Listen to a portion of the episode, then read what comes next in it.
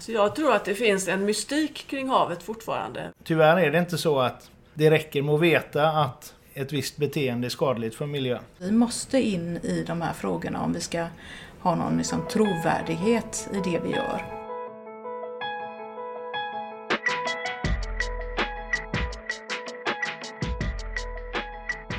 Det här är Hav och samhälle podcast från Göteborgs universitet. En podd om hav och samhälle och hur de påverkar varandra. Ja, välkomna till det här allra första avsnittet av Hav och samhälle podcast från Göteborgs universitet. I den här podcasten hoppas vi kunna bidra till att sprida kunskap och väcka intresse för frågor som rör havet på olika sätt. Varför är det intressant då? Jo, det ska vi försöka svara på i dagens avsnitt. Jag heter Albin Dahlin och med mig här idag har jag Kerstin Johannesson. Du är forskare här på Kärnö marina forskningsstation där vi befinner oss just nu. Eh, och även blivande föreståndare för stationen, visst är det så? Välkommen hit. Tack. Sen har vi Sverker Jagers. Du är föreståndare för ett centrum vid Göteborgs universitet som heter Center for Collective Action Research. Välkommen. Tack så mycket. Om du bara kan säga med något ord, vad handlar detta om Collective Action?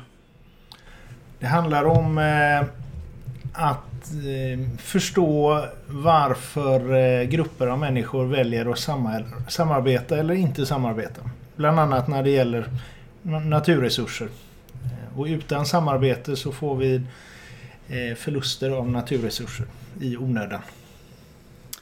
Okej, spännande. Vi återkommer till detta. Sen Säkert. har vi också Lena Gippert. Du är föreståndare för Centrum för hav och samhälle och är också jurist och har på med miljörätt. Eh, så ett, en härlig grupp som ska prata om just de här stora frågorna om hav och samhälle och eh, varför det är intressant att koppla ihop detta. Och vi sitter också på en fantastiskt vacker plats. Det är alltså Kärnö marina forskningsstation. Och här pågår just, när vi spelar in detta, Swedish Marine Science Conference som är en årlig konferens som arrangeras av Svenska havsforskarföreningen och Göteborgs universitet. Men om vi nu pratar om den här huvudfrågan, varför är det en vits att koppla ihop hav och samhälle? Kanske du ska börja, Lena Gippert som är föreståndare för just det här centret Hav och samhälle. Det känns väl ganska naturligt och ganska självklart egentligen. Det verkar en konstig fråga att man skulle behöva säga att man behöver koppla ihop hav och samhälle. Men eh, många forskare håller ju på antingen på land eller i havet. Och eh, eftersom människor påverkar havet och människor också påverkas av havet så behöver vi forskning som kopplar ihop. Och det betyder att det i sig kräver att vi går utöver disciplingränserna. Mm. Och Hav och samhälle representerar ju alla fakulteter inom universitetet. Mm. Varför är det så? Nej, men det stämmer. Vi, på Göteborgs universitet har vi ju åtta fakulteter. Så att vi har verksamhet som eh, representerar alla de här åtta fakulteterna, vilket jag tror är ganska unikt om man tittar på andra liknande universitet. Eh, Kerstin Johannesson, du är då eh, naturvetare, marinbiolog och eh, eh, håller på med en helt annan forskning, exempelvis jurister och samhällsvetare. Vad säger du om det här att koppla ihop ja, naturvetenskap och andra frågor? Jag tror det är väldigt viktigt. Alltså, under ett antal decennier så har väl kanske naturvetarna och inte minst eh, biologerna då trott att det var vi som skulle lösa samhällsproblemen, det var vi som skulle lösa miljöproblemen i havet. För vi hade liksom kunskapen om eh, de olika sambanden och biologiska sambanden. Och sen har vi då sett nu hur, hur eh, egentligen dåligt det har gått. Alltså att bara ha kunskap om vad som händer i havet, att bara veta vad som händer med fiskbestånden, att bara veta vad som eh, händer om man släpper ut miljögifter och så, det, det räcker inte. Alltså vi behöver en helt annan typ av kunskap för att kunna få de förändringarna i samhället som behövs för att eh, vända trenderna och komma åt rätt håll. Och jag tror att det är väldigt viktigt det här att man inse det att ingen egen ensam disciplin klarar egentligen de komplexa frågor vi står inför, de komplexa utmaningar vi står inför när det gäller många utav våra eh, nuvarande så att säga, problem, både lokalt och globalt, utan vi måste samverka. Mm. Vilka ser du som de största problemen eller hoten när det gäller haven just idag, skulle du säga? För de svenska förhållandena, när det gäller sånt vi kan påverka här själva i vårt närområde eller med våra grannländer här, så är ju det största hotet bristen på stor fisk. Eh, det är att vi har tagit ur för mycket fisk och vi framförallt har tagit bort den stora, de stora individerna av fisk i havet har förändrat ekosystemen, de marina ekosystemen i grunden. Och vi har tappat väldigt mycket av de värden som fanns tidigare. Ser man det på en global skala så är det ju uppvärmningen som ju då också kommer leda till och håller på att leda till stora förändringar. Vi får nya arter som kommer in i vår miljö och en del av dem kan ju funka ganska väl men vi får också arter som ställer till en hel del problem. Mm. Och naturligtvis på en global skala då så är det ju havsnivåhöjningen. Det kommer vi svenskar inte att påverkas av så väldigt mycket men på en global skala så är det ju verkligen ett jättehot när stora delar av produktiva marker runt om i världen och marker där människor bor i stor omfattning kommer att ja, hamna under havsytan, dränkas helt enkelt. Mm. Och just de här problemen som du nämner med både fisken och klimatet. Det handlar ju om att eh, det beror på mänsklig aktivitet och mänsklig påverkan. Det Absolut, det vet vi idag. Det kan vi fastslå. Och eh, det är klart att människan har alltid påverkat havet men nu är vi så många och vi gör det med så pass, i så pass stor omfattning och skala så att eh, nu, nu eh, händer det ju saker som kommer slå tillbaks eller håller på att slå tillbaks negativt på, på oss själva och det mänskliga samhället. Människor känner ju generellt väldigt starkt för havet. Om man pratar med havs, om havsfrågor och sånt som rör haven så brukar det engagera människor väldigt mycket. Varför är det så tror ni? Alltså jag tror att det finns en mystik kring havet fortfarande. Väldigt många ser ju havet som en yta men sen vad som händer under den här ytan är väldigt okänt och väldigt eh, obekant. Och det kan ju både skapa rädslor men också en nyfikenhet. Och vi märker ju det ofta i vår aktivitet här mot eh, allmänheten att eh, väldigt många är engagerade på något sätt och vill veta mer om havet. Och kunskapen är ofta väldigt låg också. Man vet mycket mer om hur svenska granskogar fungerar än vad man vet om vad som händer på 5-10 meters djup mm. ute i, eh, på västkusten här till exempel. Ja, så är det kanske en allmän inställning, men visst är det också så att människor generellt, vi har mycket mindre kunskap om vad som sker under ytan jämfört med livet på land. Visst är det så? Ja, det har vi och det finns några enkla förklaringar till det. Väldigt mycket av kunskapen på land det handlar ju om att tekniken har övervunnit det här att kunna kartlägga i stora områden på en gång. Om man ser det ur ett naturvetenskapligt perspektiv. Idag så tar vi satellitfotografier och så kan vi då säga väldigt mycket om vad som försiggår på landbacken. Men i havet så kan vi inte, för att ljuset tränger inte ner utan vi är fortfarande utlämnade till ekolod, alltså ljudkartering, vilket är en väldigt mycket eh, mer ska säga, ja, en mycket sämre metod då, med sämre upplösning helt enkelt. Mm. Sverker Jagers? Ja, men jag, jag, jag, får lägga på en mer samhällsvetenskaplig kulturell eh, eller ett kulturellt raster på, på den frågan i så fall och komplettera med att havet Utöver att det finns en mystik med havet så finns det också väldigt, väldigt många nyttor med havet. Som jag tror gör att, att folk engagerar sig i det. Allt från estetiken, det är vackert med hav, med solnedgångar över hav. Det är vackrare än solnedgångar över många andra landytor. Eh, det finns fisk i havet, eller fanns fisk i havet i alla fall. Eller överhuvudtaget nyttor med havet. Eh, man kan transportera sig över hav. Eh, ja, det finns en, en rad nyttor som vi människor kan hämta ur havet. Eh, som jag också tror bidrar till engagemanget. Ja, du, du sysslar ju just mycket med mänskligt beteende och vad som påverkar människor att göra vissa val eller beteendeförändringar. Och det är också någonting som du har pratat om under den här konferensen. Mm. Eh, varför är det viktigt att studera det? Ja, för om vi inte studerar och förstår mekanismerna bakom att folk ja, varför folk ändrar beteende eller inte ändrar beteende så är det väldigt svårt att komma med rekommendationer kring hur man ska få till nödvändiga beteendeförändringar. Och tyvärr är det inte så att, att det räcker med att veta att ett visst beteende är skadligt för miljön. Eh, det är inte tillräckligt villkor för att folk ska ändra sitt beteende av lite olika skäl. Eh, men ett viktigt skäl är att även om jag ändrar mitt beteende så är ju min påverkan på miljön vanligtvis väldigt liten. I alla fall i en större skala sett. Så jag måste vara övertygad om att andra också ändrar sitt beteende. Och eh, det här förtroendet eh, det skiljer sig väldigt mycket åt runt om i världen. Eh, så Sverige brukar anses vara ett höglitarland. Här litar vi generellt både på varann och på myndigheter och beslutsfattare och sådär.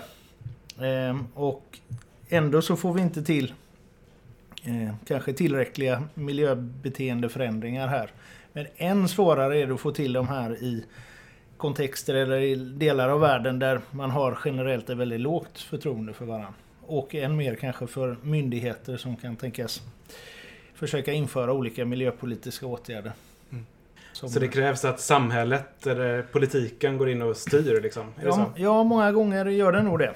Eh, man kan tänka sig att det sker någon enorm normförändring i ett samhälle och att det skulle vara tillräckligt för att folk ska känna att nej, men nu, eh, nu ändrar vi oss precis som alla andra här i samhället gör. Men vanligtvis så behövs det någon liten insats. Eh, och den kan vara olika stor beroende på hur nära folk är att vilja ändra sitt beteende. Mm.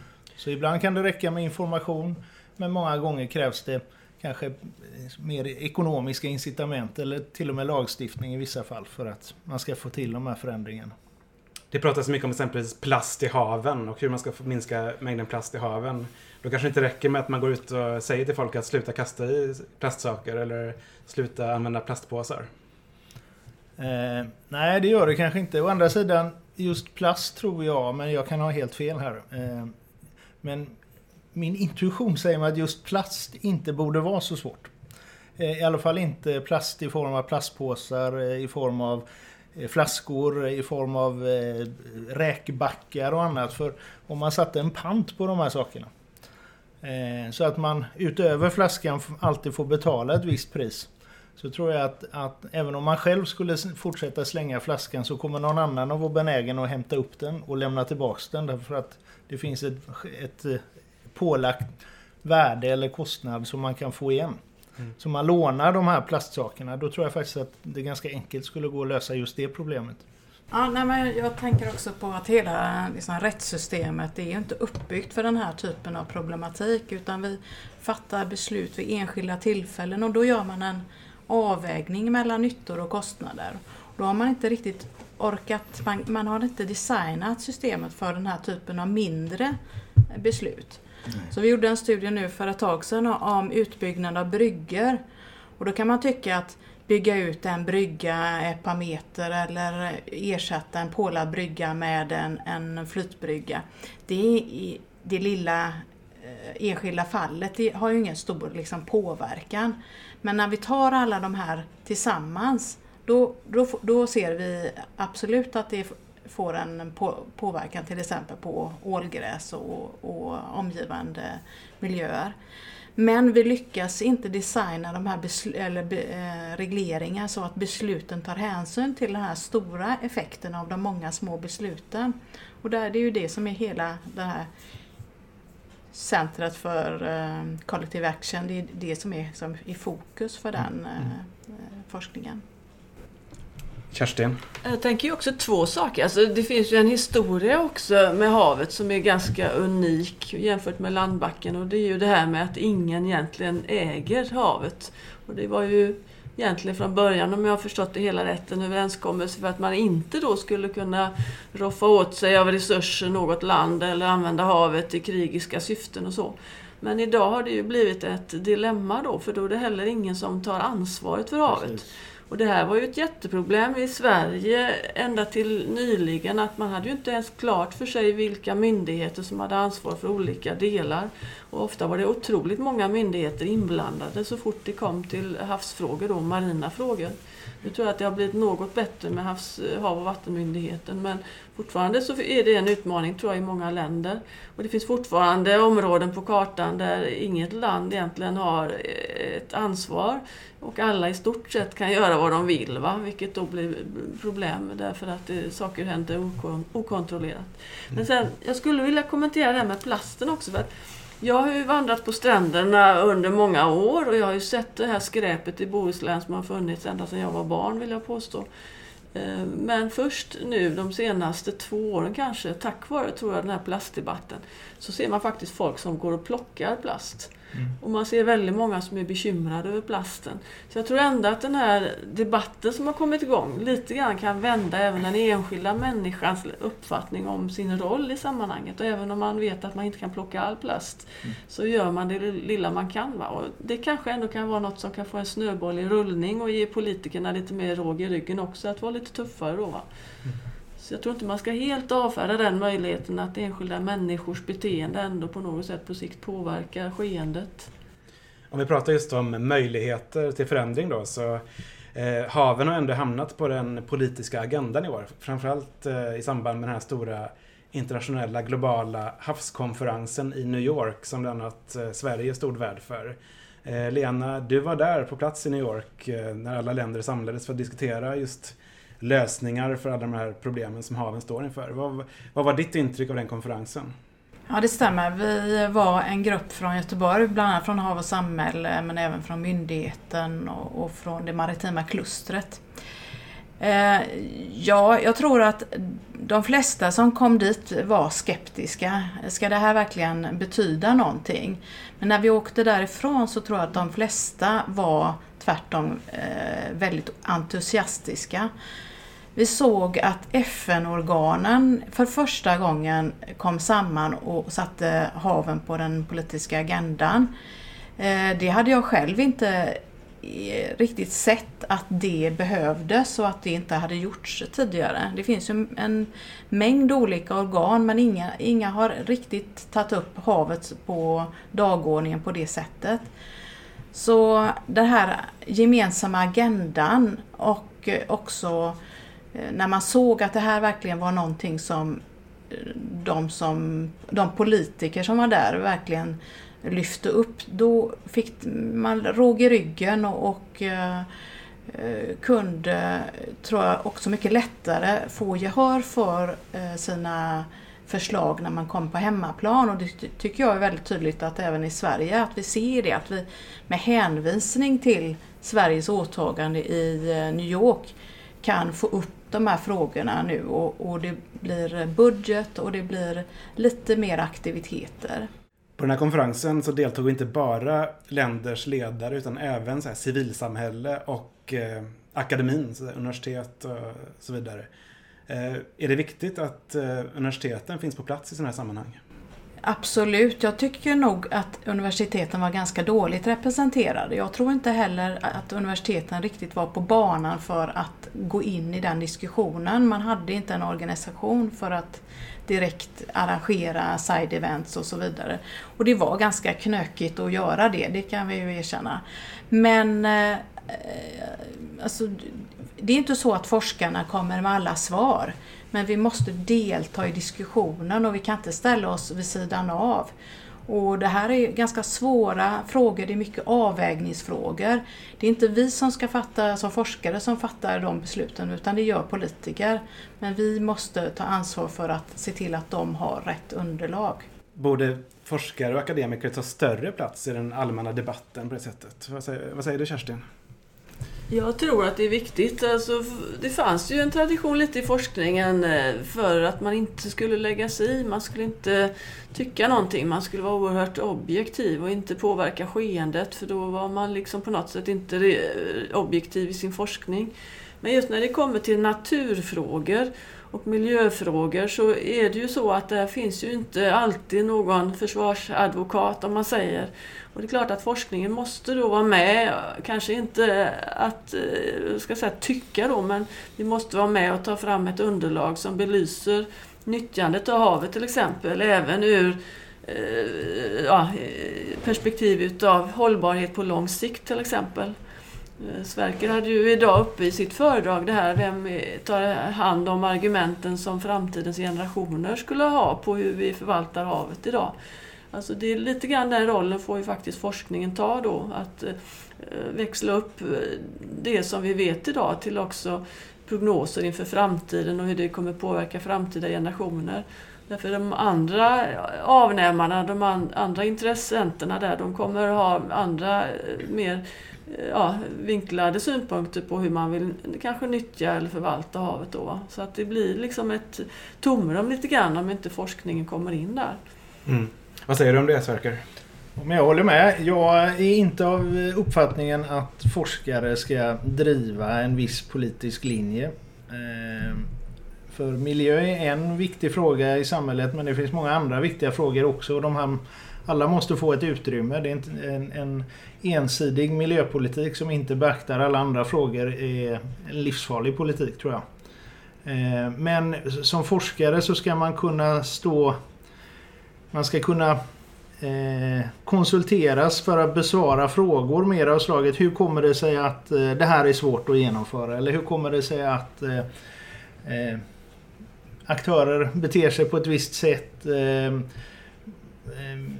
Ja, en, en, alltså en konsulterande verksamhet på den, det sättet det tror jag är väldigt, väldigt viktigt. Och det kan jag märka bara på de här två åren som centret har funnits att att det finns en stor efterfrågan både bland beslutsfattare och politiker men, men även andra grupper. Att man vill förstå, de, de vill inte ha svar på hur ska vi bedriva politik. Utan de vill för, förstå varför det är så hårt. Och kanske också få uppslag hur de skulle kunna tänka annorlunda. Och, och det är precis den typen av frågor som vi vill bedriva i centret. Att, eh, att hitta alternativa styrmedel eller kombinationer av styrmedel som kanske beslutsfattare inte har tänkt på. Och som vi kan kombinera därför att vi vet lite vad det är för faktorer som gör att folk accepterar eller inte accepterar viss typ av styrning. Eh, och där har vi definitivt en viktig roll att spela utan att vi behöver bli politiker själva. Mm. Ja, Lena? Jag tänker också det här Agenda 2030 och de här 17 hållbarhetsmålen som kommer upp nu i nästan alla sammanhang man är i. Det kan vara med politiker eller förvaltning det, och även näringslivet. Den gör ju att det blir mycket enklare att säga att det inte är en, en endisciplinfråga eller det är inte en grupp av människor. Och det gör ju också att när vi, alltså vi, vi som forskarsamhälle eller akademi, vi har en jätteviktig roll där genom att visa på här finns det kunskap i alla de här olika målen och eh, eh, där är vi en samtalspartner som vi kan inte undandra oss det ansvaret utan vi måste in i de här frågorna om vi ska ha någon liksom trovärdighet i det vi gör. Vi, vi befinner oss ändå i en situation när vi är finansierade till stor del av skattemedel. Jag ville bara komplettera där att att de här målen är också bra för oss forskare. För eh, när man börjar skrapa på ytan och mm. gå ner på djupet så inser man, inte minst när man tittar på delmålen, att det finns väldigt, väldigt många områden där vi inte har kunskap. Så, så vi blir påminda och får uppslag på var behöver det bedrivas mer forskning för att vi ska kunna föra hela den här agendan framåt. Så, så det är liksom ett växelspel. Jag tror att de är nyttiga på många sätt, de här målen. Så stor enighet då om att forskare bör ta mer plats i debatten, i alla fall bidra med kunskap. Vilka är de absolut viktigaste frågorna i så fall att uh, ta tag i nu när det gäller havsfrågor? Vad säger ni? Är det klimatet? Alltså jag kommer ju säga biologi och genetisk uh, mångfald. Lena kommer ju säga uh, juridik och lagstiftning, styrmedel och Sverige Jag kommer att ha ett lite rikare... Ja, exakt. Okej. Okay. Precis, men i alla fall en enighet om att eh, forskningen och akademin bör ta plats och vara med och bidra till kunskap och att det kommer ut också till allmänheten kanske. Absolut, mm. jag tror allmänheten är viktig för det är de som ger politikerna råg i ryggen att våga gå vidare och ta beslut som är lite skarpare och eh, kostar lite mer. Mm. En grej är ju också, man pratar om haven, alltså egentligen är det ju bara ett hav. Och det är det som är också häftigt att både i tid och i rum att vi får en samhörighet på ett annat sätt. Vi pratar om öar, ja, men det är en speciell situation att vara en önation eller ett ösamhälle oavsett om man är i Skagerrak eller i, Stilla havet eller Västindiska oceanen. Så det är också en, en eh, häftig känsla i, den här, i det här liksom forskningsområdet. Att här delar vi verkligen och har behov av att dela både Eh, forskningsresultat men också med eh, samhällen, hur, hur man lever och hur man löser olika problem. Och det kan, behöver inte betyda att man behöver exportera lösningar men man kan dela eh, exempel på hur man har mer eller mindre lyckats eller misslyckats. Mm. Jag tror att eh, vi börjar gå mot slutet på eh, första avsnittet i denna podcast. Det blev kanske lite att man skrapade Eh, på ytan på många olika frågor men eh, vi kommer att ha tid att eh, dyka djupare ner i många intressanta områden framöver. Jag säger stort tack till er, Kerstin Johannesson, Sverker Jagers och Lena Gippert som var med här i diskussionen som vi faktiskt hade mitt utanför finns faktiskt havet alldeles utanför här vid Kärnö forskningsstation. En fantastiskt vacker plats där skymningen nu börjar närma sig. Stort tack och gå in gärna in på havochsamhälle.gu.se och läs mer om vad vi håller på med. Hej då! Du har lyssnat på Hav och samhälle podcast från Göteborgs universitet. Podden finns på iTunes, Soundcloud och vår hemsida havochsamhälle.gu.se.